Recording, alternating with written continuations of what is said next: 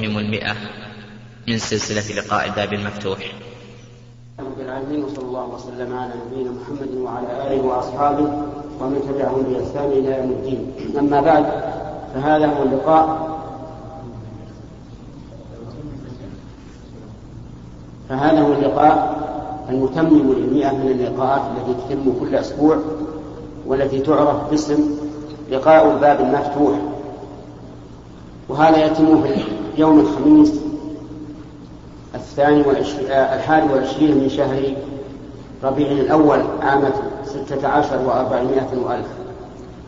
نبتدئ هذا اللقاء بالكلام على تفسير هذه السورة على ما تيسر وهي قوله تبارك وتعالى ويل لكل همزة لمزة الذي جمع مالا وعدده يحسب أن ماله أخلده كلا لينبذن في الحطمة وما أدراك ما الحطمة.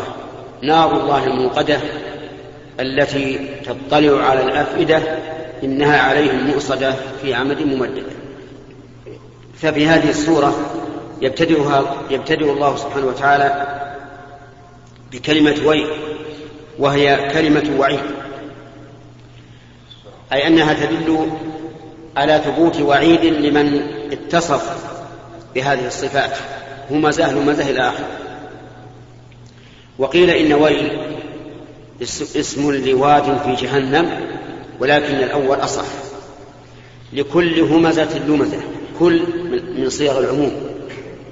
والهمزة واللمزة وصفان لموصوف واحد. فهل هما بمعنى واحد؟ يعني أن همزة ولمزة معناهما واحد أو يختلفان في المعنى. قال بعض العلماء إنهما مع إنهما لفظان لمعنى واحد. يعني أن الهمزة هو اللمزة وقال بعضهم بل لكل واحد منهما معنى غير المعنى الآخر. وثم قاعدة أحب أن أنبه عليها في في التفسير وغير التفسير. وهو أنه إذا دار الأمر بين أن تكون الكلمة مع الأخرى بمعنى واحد أو لكل كلمة لكل كلمة معنى فإننا نتبع الثاني. أي نجعل لكل واحدة معنى. لأننا إذا جعلنا الكلمتين بمعنى واحد صار في هذا تكرار لا داعي له لكن إذا جعلنا كل واحدة لها معنى صار هذا تأسيس وتفريق بين الكلمتين. والصحيح في هذه الآية لكل همزة لمزة أن بينهما فرقا. فالهمز بالفعل واللمز باللسان. كما قال الله تعالى ومنهم من يلمزك في الصدقات. في الصدقات فإن أعطوا منها رضوا وإن لم يعطوا منها إذا هم يسخطون. الهمز بالفعل يعني أنه يسخر من الناس بفعله إما أن يلوي وجهه أو يعبس بوجهه أو ما أشبه ذلك أو بالإشارة يشير إلى شخص يعني يقول انظروا إليه ليعيبه أو ما أشبه ذلك. فالهمز يكون بإيش؟ بالفعل واللمز باللسان. يعني أن بعض الناس والعياذ بالله مشفوف بعيب بعيب البشر. إما بفعله وهو الهماس وإما بقوله وهو اللماس. وهذا كقوله تعالى ولا تطع كل حلاف مهين هماز مشاء بنميم. الذي جمع ماله وعدده هذه أيضا من أوصافه القبيحة. جماع مناع يجمع المال ويمنع العطاء فهو بخيل. لا يعطي. يجمع المال ويعدده. قيل معنى التعديد يعني الإحصاء. يعني لشغفه بالمال كل كل مرة يذهب إلى الصندوق ويعد. يعد الدراهم في الصندوق في الصباح وفي آخر النهار يعدها. وهو يعرف أنه لم يأخذ, لم يأخذ منه شيئا ولم يضف إليه شيئا. لكن لشدة شغفه بالمال يتردد عليه ويعدده ولهذا جاءت بصيغة المبالغة عدده يعني أكثر تعداد لماذا؟ لشدة شغفه ومحبته له. يخشى أن يكون نقص أو يريد أن يطمئن زيادة على, على, على ما سبق فهو دائما يعدد المال. وقيل معنى عدده أي جعله عدة له. يعني ادخره لنوائب الدهر. وهذا وإن كان اللفظ يحتمله لكنه بعيد. لأن إعداد المال لنوائب الدهر مع القيام بالواجب بأداء ما يجب فيه من زكاة وحقوق ليس مذموما. المذموم أن يكون أكبر هم الإنسان هو المال. يتردد إليه ويعدده وينظر هل زاد هل نقص. فالقول بأن المراد عدده أي جاء تقبل قول ضعيف. يحسب أن ماله أخلده يعني يظن هذا الرجل أن ماله سيخلده ويبقيه إما بجسمه وإما بذكره. لأن عمر الإنسان ليس ما بقي في الدنيا بل عمر الإنسان حقيقة ما يخلده بعد موته ويكون ذكراه في قلوب الناس وعلى ألسنتهم.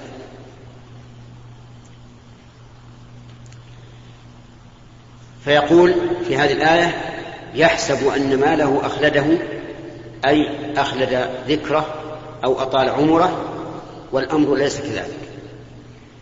فإن أهل الأموال إذا لم يعرفوا بالبذل والكرم فإنهم يخلدون لكن بالذكر السيء.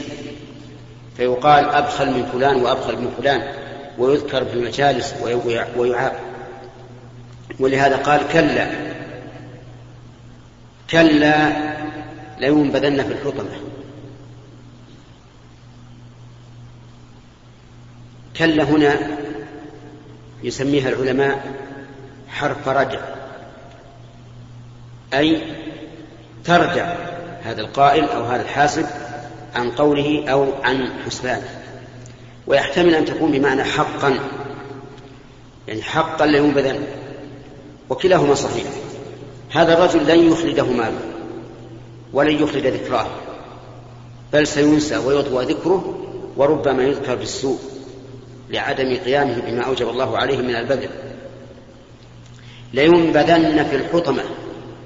اللام هذه واقعة في جواب قسم مقدر والتقدير والله لينبذن في الحطمة أي يطرح طرحا.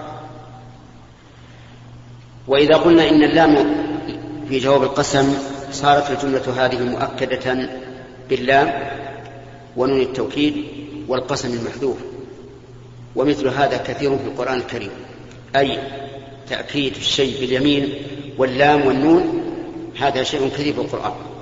والله تعالى يقسم بالشيء تأكيدا له وتعظيما لشأنه وقوله لينبذن ما الذي ينبذ؟ هل هو صاحب المال أو المال. قد نقول كلاهما ينبذ أما صاحب المال فإن الله يقول في آية أخرى يوم يدعون إلى نار جهنم دعا. يدفعون ويدسون بالأيدي. أو بما شاء الله. وهنا يقول ينبذ أي يطرح في الحطمة. والحطمة هي التي تحطم الشيء. أي تفتته وتكسره. فما هي؟ قال الله تعالى وما أدراك ما الحطمة؟ وهذه الصيغة للتعظيم والتفخيم. نار الله الموقدة هذا الجواب. أي هي نار الله الموقدة وأضافها الله سبحانه وتعالى إلى نار إلى نفسه لأنه يعذب بها من يستحق العذاب. فهي عقوبة عدل وليس عقوبة ظلم. أي نار يحرق الله بها من يستحق أن يعذب بها. إذن هي نار عدل وليست نار وليست نار ظلم. لأن الإحراق بالنار قد يكون ظلما وقد يكون عدلا. فتعذيب الكافرين بالنار لا شك أنه عدل وأنه يثنى به على الرب عز وجل حيث عامل هؤلاء بما يستحقون. وتأمل قوله حطمة مع فعل هذا الفاعل همزة لمزة حطمة على وزن واحد. ليكون الجزاء مطابقا للعمل حتى في اللفظ. نار الله الموقدة أي المسجرة المسعرة التي تطلع على الأفئدة. الأفئدة جمع فؤاد وهو القلب والمعنى أنها تصل إلى القلوب والعياذ بالله من شدة حرارتها مع أن القلوب مكنونة في الصدور وبينها وبين الجلد الظاهر ما بينها من الطبقات لكن مع ذلك تصل هذه النار إلى الأفئدة. إنها أي الحطمة وهي نار الله الموقدة عليهم مؤصدة. على من؟ على الهماز اللمام الماس الجماع للمال المناء للخير. ولم يقل إنها عليه مع أن المرجع مفرد. ويل لكل همزة لمزة الذي جمع لكنه أعاد الضمير بلفظ الجمع باعتبار المعنى لأن لكل همزة عام. يشمل جميع الهمازين وجميع اللمازين. إنها عليهم موصدة أي مغلقة. مغلقة الأبواب. لا يرجى لهم فرج والعياذ بالله. كلما أرادوا أن يخرجوا منها أعيدوا فيها. يعني يرفعون إلى أبوابها حتى يطمعوا في الخروج. ثم بعد ذلك يركسون فيها. ويعادون يعادون فيها. كل هذا لشدة التعذيب. لأن الإنسان إذا طمع في الفرج إذا طمع بالفرج وأنه سينجو ويخلص يفرح. فإذا أعيد صارت انتكاسة جديدة والعياذ بالله. فهكذا يعذبون بضمائرهم وأبدانهم. وعذاب أهل النار مذكور مفصلا في القرآن الكريم والسنة النبوية. إنها عليهم مؤصدة مغلقة. تأمل الآن لو أن مثلا إنسان كان في حجرة أو في سيارة اتقلت النيران فيها وليس له مخرج. الأبواب مغلقة. ماذا يكونون؟ في حسرة عظيمة. لا لا يمكن أن يمثل الحسرة. هم والعياذ بالله هكذا في النار. النار عليهم مؤسدة في عمد ممددة أي أن هذه النار موصدة وعليها أعمدة ممددة يعني مثل ما كما نقول شبوك عظيمة حتى لا يحاول أحد فتحها. في عمد ممددة أي ممدودة على جميع النواحي والزوايا حتى لا أحد يتمكن من فتحها أو الخروج منها. حكى الله سبحانه وتعالى ذلك علينا وبينه لنا لا لمجرد أن نتلوها بألسنتنا أو نعرف أو نعرف معناها بأفهامنا لكن المراد أن نحذر من ذلك أن نحذر من هذه الأوصاف الذميمة عيب الناس بالقول عيب الناس بالفعل الحرص على المال حتى كأن الإنسان إنما خلق للمال ليخلد له أو يخلد المال له ونعلم أن من كانت هذه حالة فإن جزاءه هذه النار التي هي كما وصفها الله الحطمة تطلع على الأفئدة موصدة في عمد ممددة نسأل الله تعالى أن يجيرنا وإياكم منها وأن يرزقنا الإخلاص في القول والعمل والاستقامة على دينه. والآن أتى دور الأسئلة ونبدأ مع اليمين.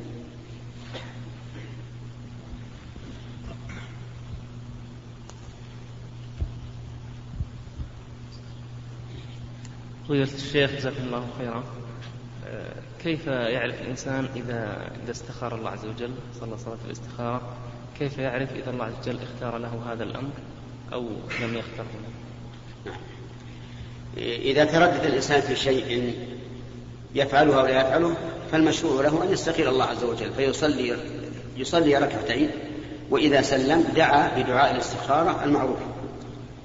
ثم إن ركن إلى شيء من من, الأشياء فهذا علامة على أن الله استخار له ذلك. وإن لم يركن وبقي مترددا يعيد الاستخارة. مرة بعد أخرى ثم الاستشارة ثم يقدم على ما يقدم عليه. وإذا أقدم على ما يقدم عليه مع إخلاصه بالدعاء وثقته بربه عز وجل فإننا نعلم أن هذا الذي قدر له وأقدم عليه هو الخير. أحسن الله إليك إذا رأيت شخص يعمل عملا فيه أقوال للعلماء فهل يسير أن أنكر عليه؟ فمثلا لو رأيت إنسان يصلي خلف الصف وأنا مثلا أرى أن الصلاة خلف الصف منفردا منفردا خلف الصف منفردا هل أنكر عليه؟ أو تترك هذه الأمور التي فيها خلاف؟ هناك فرق بين الإنكار وبين المناقشة.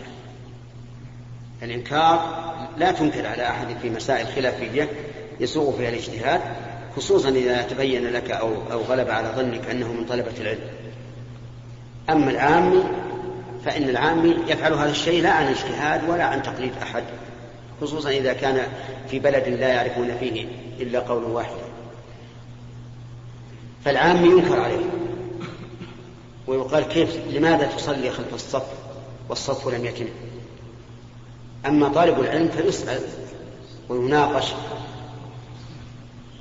ثم إن تبين الحق معه وجب آه، أن يقر فعله وإن تبين أن الحق خلاف قوله فإنه يبين له الحق. وعلى من تبين له الحق أن يتبعه سواء كان يأخذ به أولا أو لا يأخذ. لأن الحق ضالة المؤمن متى وجده أخذ به. كان عالم العامي بارك الله فيه خصوصا عندنا مثلا نحن الآن مذهبنا مذهب الإمام أحمد. ثم إن المذهب الآن صار في الحقيقة آه، يعني غير مأمور به من كل وجه لأن وجد علماء بارزين يفتون بغير المذهب. فإذا اشتهر قولهم في البلاد فالعمل على قولهم بالنسبة للعامة. لأن العام لا يمكن أن يجتهد بنفسه. ولا يمكن أن يفتح له الباب ويقول اتبع من شئت من علماء المشرق والمغرب هذا غير صحيح لكن إذا برز أحد من العلماء في في بلده فإنه يكون هو هو قدوته. نعم. بسم الله الرحمن الرحيم. آه، فضيلة الشيخ أحسن الله إليكم وزادكم توفيقا وعلما. آه، في هذه الآيات قوله تعالى ويل لكل همزة لمزة. هل يقال الهمز واللمز وجمع المال وتعداده من الكبائر لقوله تعالى ويل؟ وأيضا في الآية قوله الذي هو معرفة. كيف صح أن يكون نعتا لنكرة الذي هو كل؟ نعم. أما الأول فنعم نقول كل من اتصل بهذه الصفات فقد أتى كبيرا من كبائر الذنوب. لأن همز المؤمنين ولمزهم من كبائر الذنوب. ألم ترى إلى قوله, قوله تعالى إن الذين أجرموا كانوا من الذين آمنوا يضحكون وإذا مروا بهم يتغامزون وإذا انقلبوا إلى أهلهم انقلبوا فكين قالوا مر بنا هؤلاء الهمج هؤلاء الدراويش هؤلاء وما أشبه ذلك. وأما وأما الذي جمع مالا وعدده فإنه صار معرفة لأن قوله لكل همزة همزة نكرة لكنه نكرة عامة بصيغة الكل. فجاز أن يوصف بالذي باعتبار العموم. أو يقال إن الذي ليس صفة لهمزة همزة ولكنه خبر لمبتدأ محذوف والتقدير هو الذي جمع مالا وعدده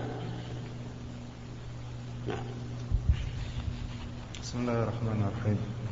فضيلة الشيخ آه، هل يجوز آه، أن يقال في أحفاد الرجل إذا أحسنوا عملا. هذا من بركة أجدادكم أو هذا من هذا من من بركة أجدادكم بدعوى أنهم أن الأجداد هم الذين وجهوهم إلى الإسلام أو بتعقيب الدعاء. هذا بحرمة فلان أو بحرمة الرسول هل هذا يجوز؟ أما الدعاء بحرمة الرسول عليه الصلاة والسلام فمثل أن تقول اللهم أني أسألك بحرمة نبيك عندك فإنه بدعة. ولا يجوز التوسل بذلك لأن حرمة النبي عليه الصلاة والسلام خاصة به لا تتعداه إلى غيره. لكن بدلا من هذا اللهم إني أسألك باسمك الأعظم أو أسألك بصفاتك الكاملة أو ما أشبه ذلك. أو يقول أسألك بإيماني بنبيك. إذا كان يحب أن يذكر النبي بدعائه بإيمان بنبيك ومحبته له وما أشبه ذلك. وأما البركة بركة الأجداد فلا شك أن إن كان المراد البركة الجسدية التي مجرد أنهم أجدادك صار فيه بركة فهذا لا يجوز. وإذ ما إذا كان البركة من آثار توجيهاتهم وتربيتهم فهذا حقيقة. الإنسان قد يكون فيه بركة على أولاده وعياله بالتوجيه والتعليم وقد لا يكون فيه بركة. وقد قال وسيد بن حضير لما نزلت آية التيمم بسبب انحباس الناس على عقد عائشة رضي الله عنها قال ما هذه بأول بركتكم يا آل أبي بكر؟ يعني أن أسبابكم أنكم تكونون سببا لأمور نافعة للمسلمين. شيخ أحسن الله إليك. المسبوق إذا شك في عدد الركعات وعلم أن أحد المأمومين دخل معه في أنه مسبوق. نعم. دخل جميعا. دخل جميعا. نعم. فشك في عدد الركعات. كم هي؟ فهل له أن يقتدي بالمأموم الذي دخل معه؟ أم يعني يعدل باقتدائه للمأموم المأموم أم يستأنف صلاته من حيث بدأوا مثلا إذا تيقن أن هذه ركعة الرابعة إذا شك الإنسان في صلاته هل وهو مسبوق وقد دخل معه شخص آخر دخل جميعا في الصلاة وهو لم يترجح عنده شيء شك شكا متساويا. فإن فعل الذي الذي دخل معه لا شك أنه سيرجح أحد أحد الاحتمالين. فإذا رجح أحد الاحتمالين فله أن يعمل به. وأحيانا لا يرجح كما لو علم أن هذا الرجل الذي دخل معه ليس بذاك الإنسان الثقة. فإذا كان ليس بذاك الإنسان الثقة فإنه يعمل باليقين. إذا لم يترجح عنده شيء ويأخذ بالأقل ثم يسجد للسهو قبل السلام. وإذا أخذ بغلبة الظن أي ترجح عنده أحد الاحتمالين بفعل هذا الذي دخل معه فإنه في هذه الحال يبني يسجد بعد السلام. لأنه متى كان البناء على غلبة الظن في باب الشك فإن سجود السهو بعد السلام. فضيلة الوالد هذا رجل مسلم تزوج بامرأة كتابية فحملت منه طفلا وعندما تحرك الطفل في بطنها بلغ خمسة أشهر ماتت هذه المرأة. إيش؟ ماتت هذه المرأة. أين تدفن؟ سؤال يقول إذا تزوج رجل مسلم بامرأة كتابية يعني يهودية أو نصرانية فحملت منه. وما وبعد أن نفخت الروح في الجنين ماتت. فيسأل هو أين تدفن ونحن نسأل أيضا هل يصلى عليها أو على الحمل في بطنها؟ وأين تدفن؟ والجواب أنه يصلى على الحمل في بطنها. ولا يضر الحيلولة بيننا وبين هذا الجنين لأن النبي صلى الله عليه وسلم صلى على القبر. وقد حيل بينه وبين الميت بالتراب فيصلى على الجنين في بطنها. وتدفن معنا أي مع المسلمين. لكن يكون وجهها خلاف القبلة خلاف القبلة ويكون ظهرها هي إلى القبلة. لماذا؟ لأن الجنين بحكمة الله عز وجل ظهره إلى بطن أمه ووجهه إلى ظهر أمه. وفي بطنها ظهره إلى وجهه إلى إلى الظهر وظهره إلى البطن. الحكمة من هذا لأنه إذا كان وجهه إلى ظهر الأم صار الظهر وقاية له وقاية له. وإذا كان ظهره إلى بطن أمه صار ظهره وقاية له لأن بطن الأم رقيق. كل شيء يؤثر على الجنين لكن الذي يلي البطن هو إيش؟ الظهر وهو قوي يتحمل. فهذا من حكمة الله عز وجل وعلى هذا فندفنها في مقابر المسلمين لكن نجعل ظهرها إلى القبلة إلى إلى خلف القبلة ليكون وجه الجنين إلى القبلة. عندك هنا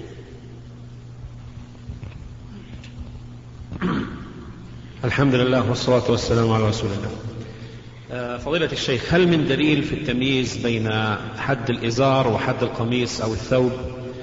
فإن بعض أهل العلم حفظهم الله يرى أن الثوب إذا كان إلى عضلة الساق آه، فإنه مع السجود يكشف العورة وليس هذا كالإزار وستر العورة واجب وحد الثوب عنده إذا سنة فيقدم الواجب على السنة. وكيف نحمل هذا مع قول ابن عمر؟ ما قاله الرسول صلى الله عليه وسلم في الإزار فهو في القميص أو كما قال.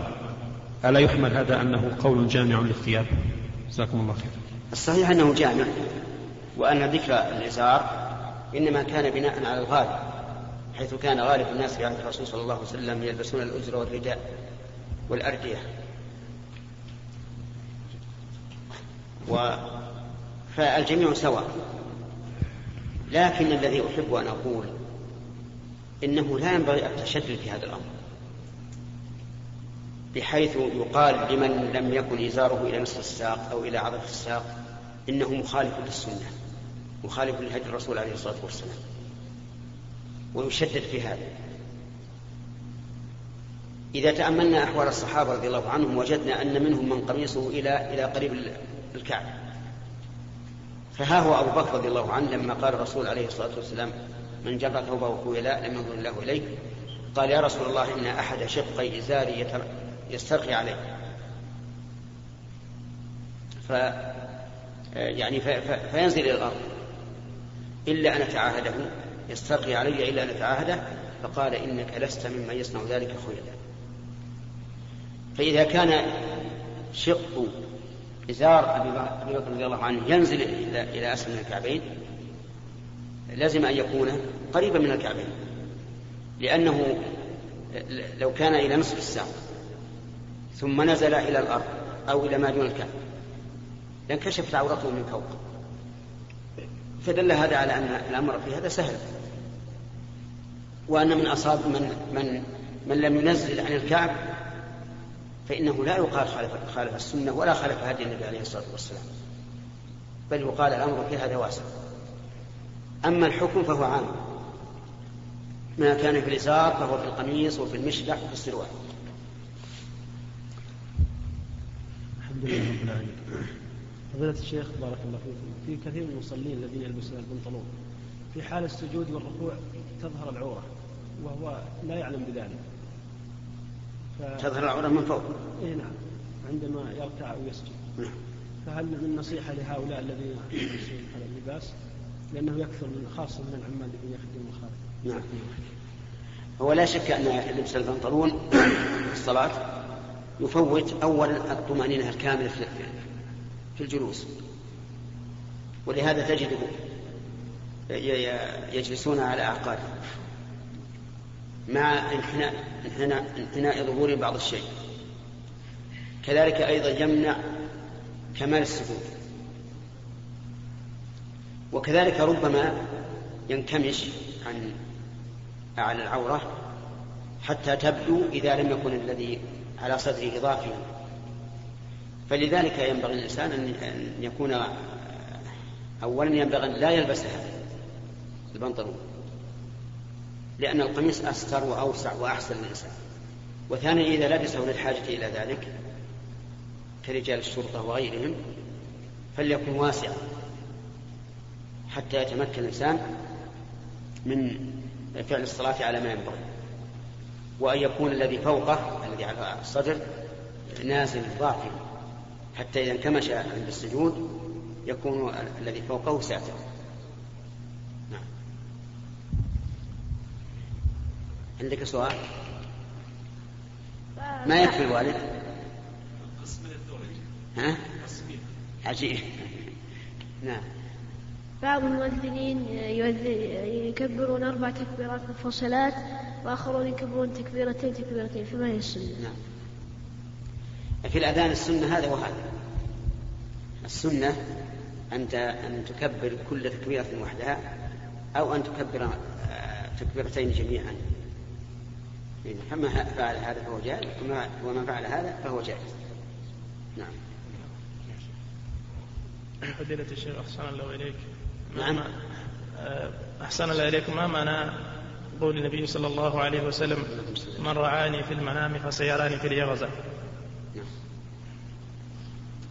هذا الحديث هو في ألفاظ متعددة منها ما ذكرت ومنها من رآني في المنام فقد رآني حقا فإن الشيطان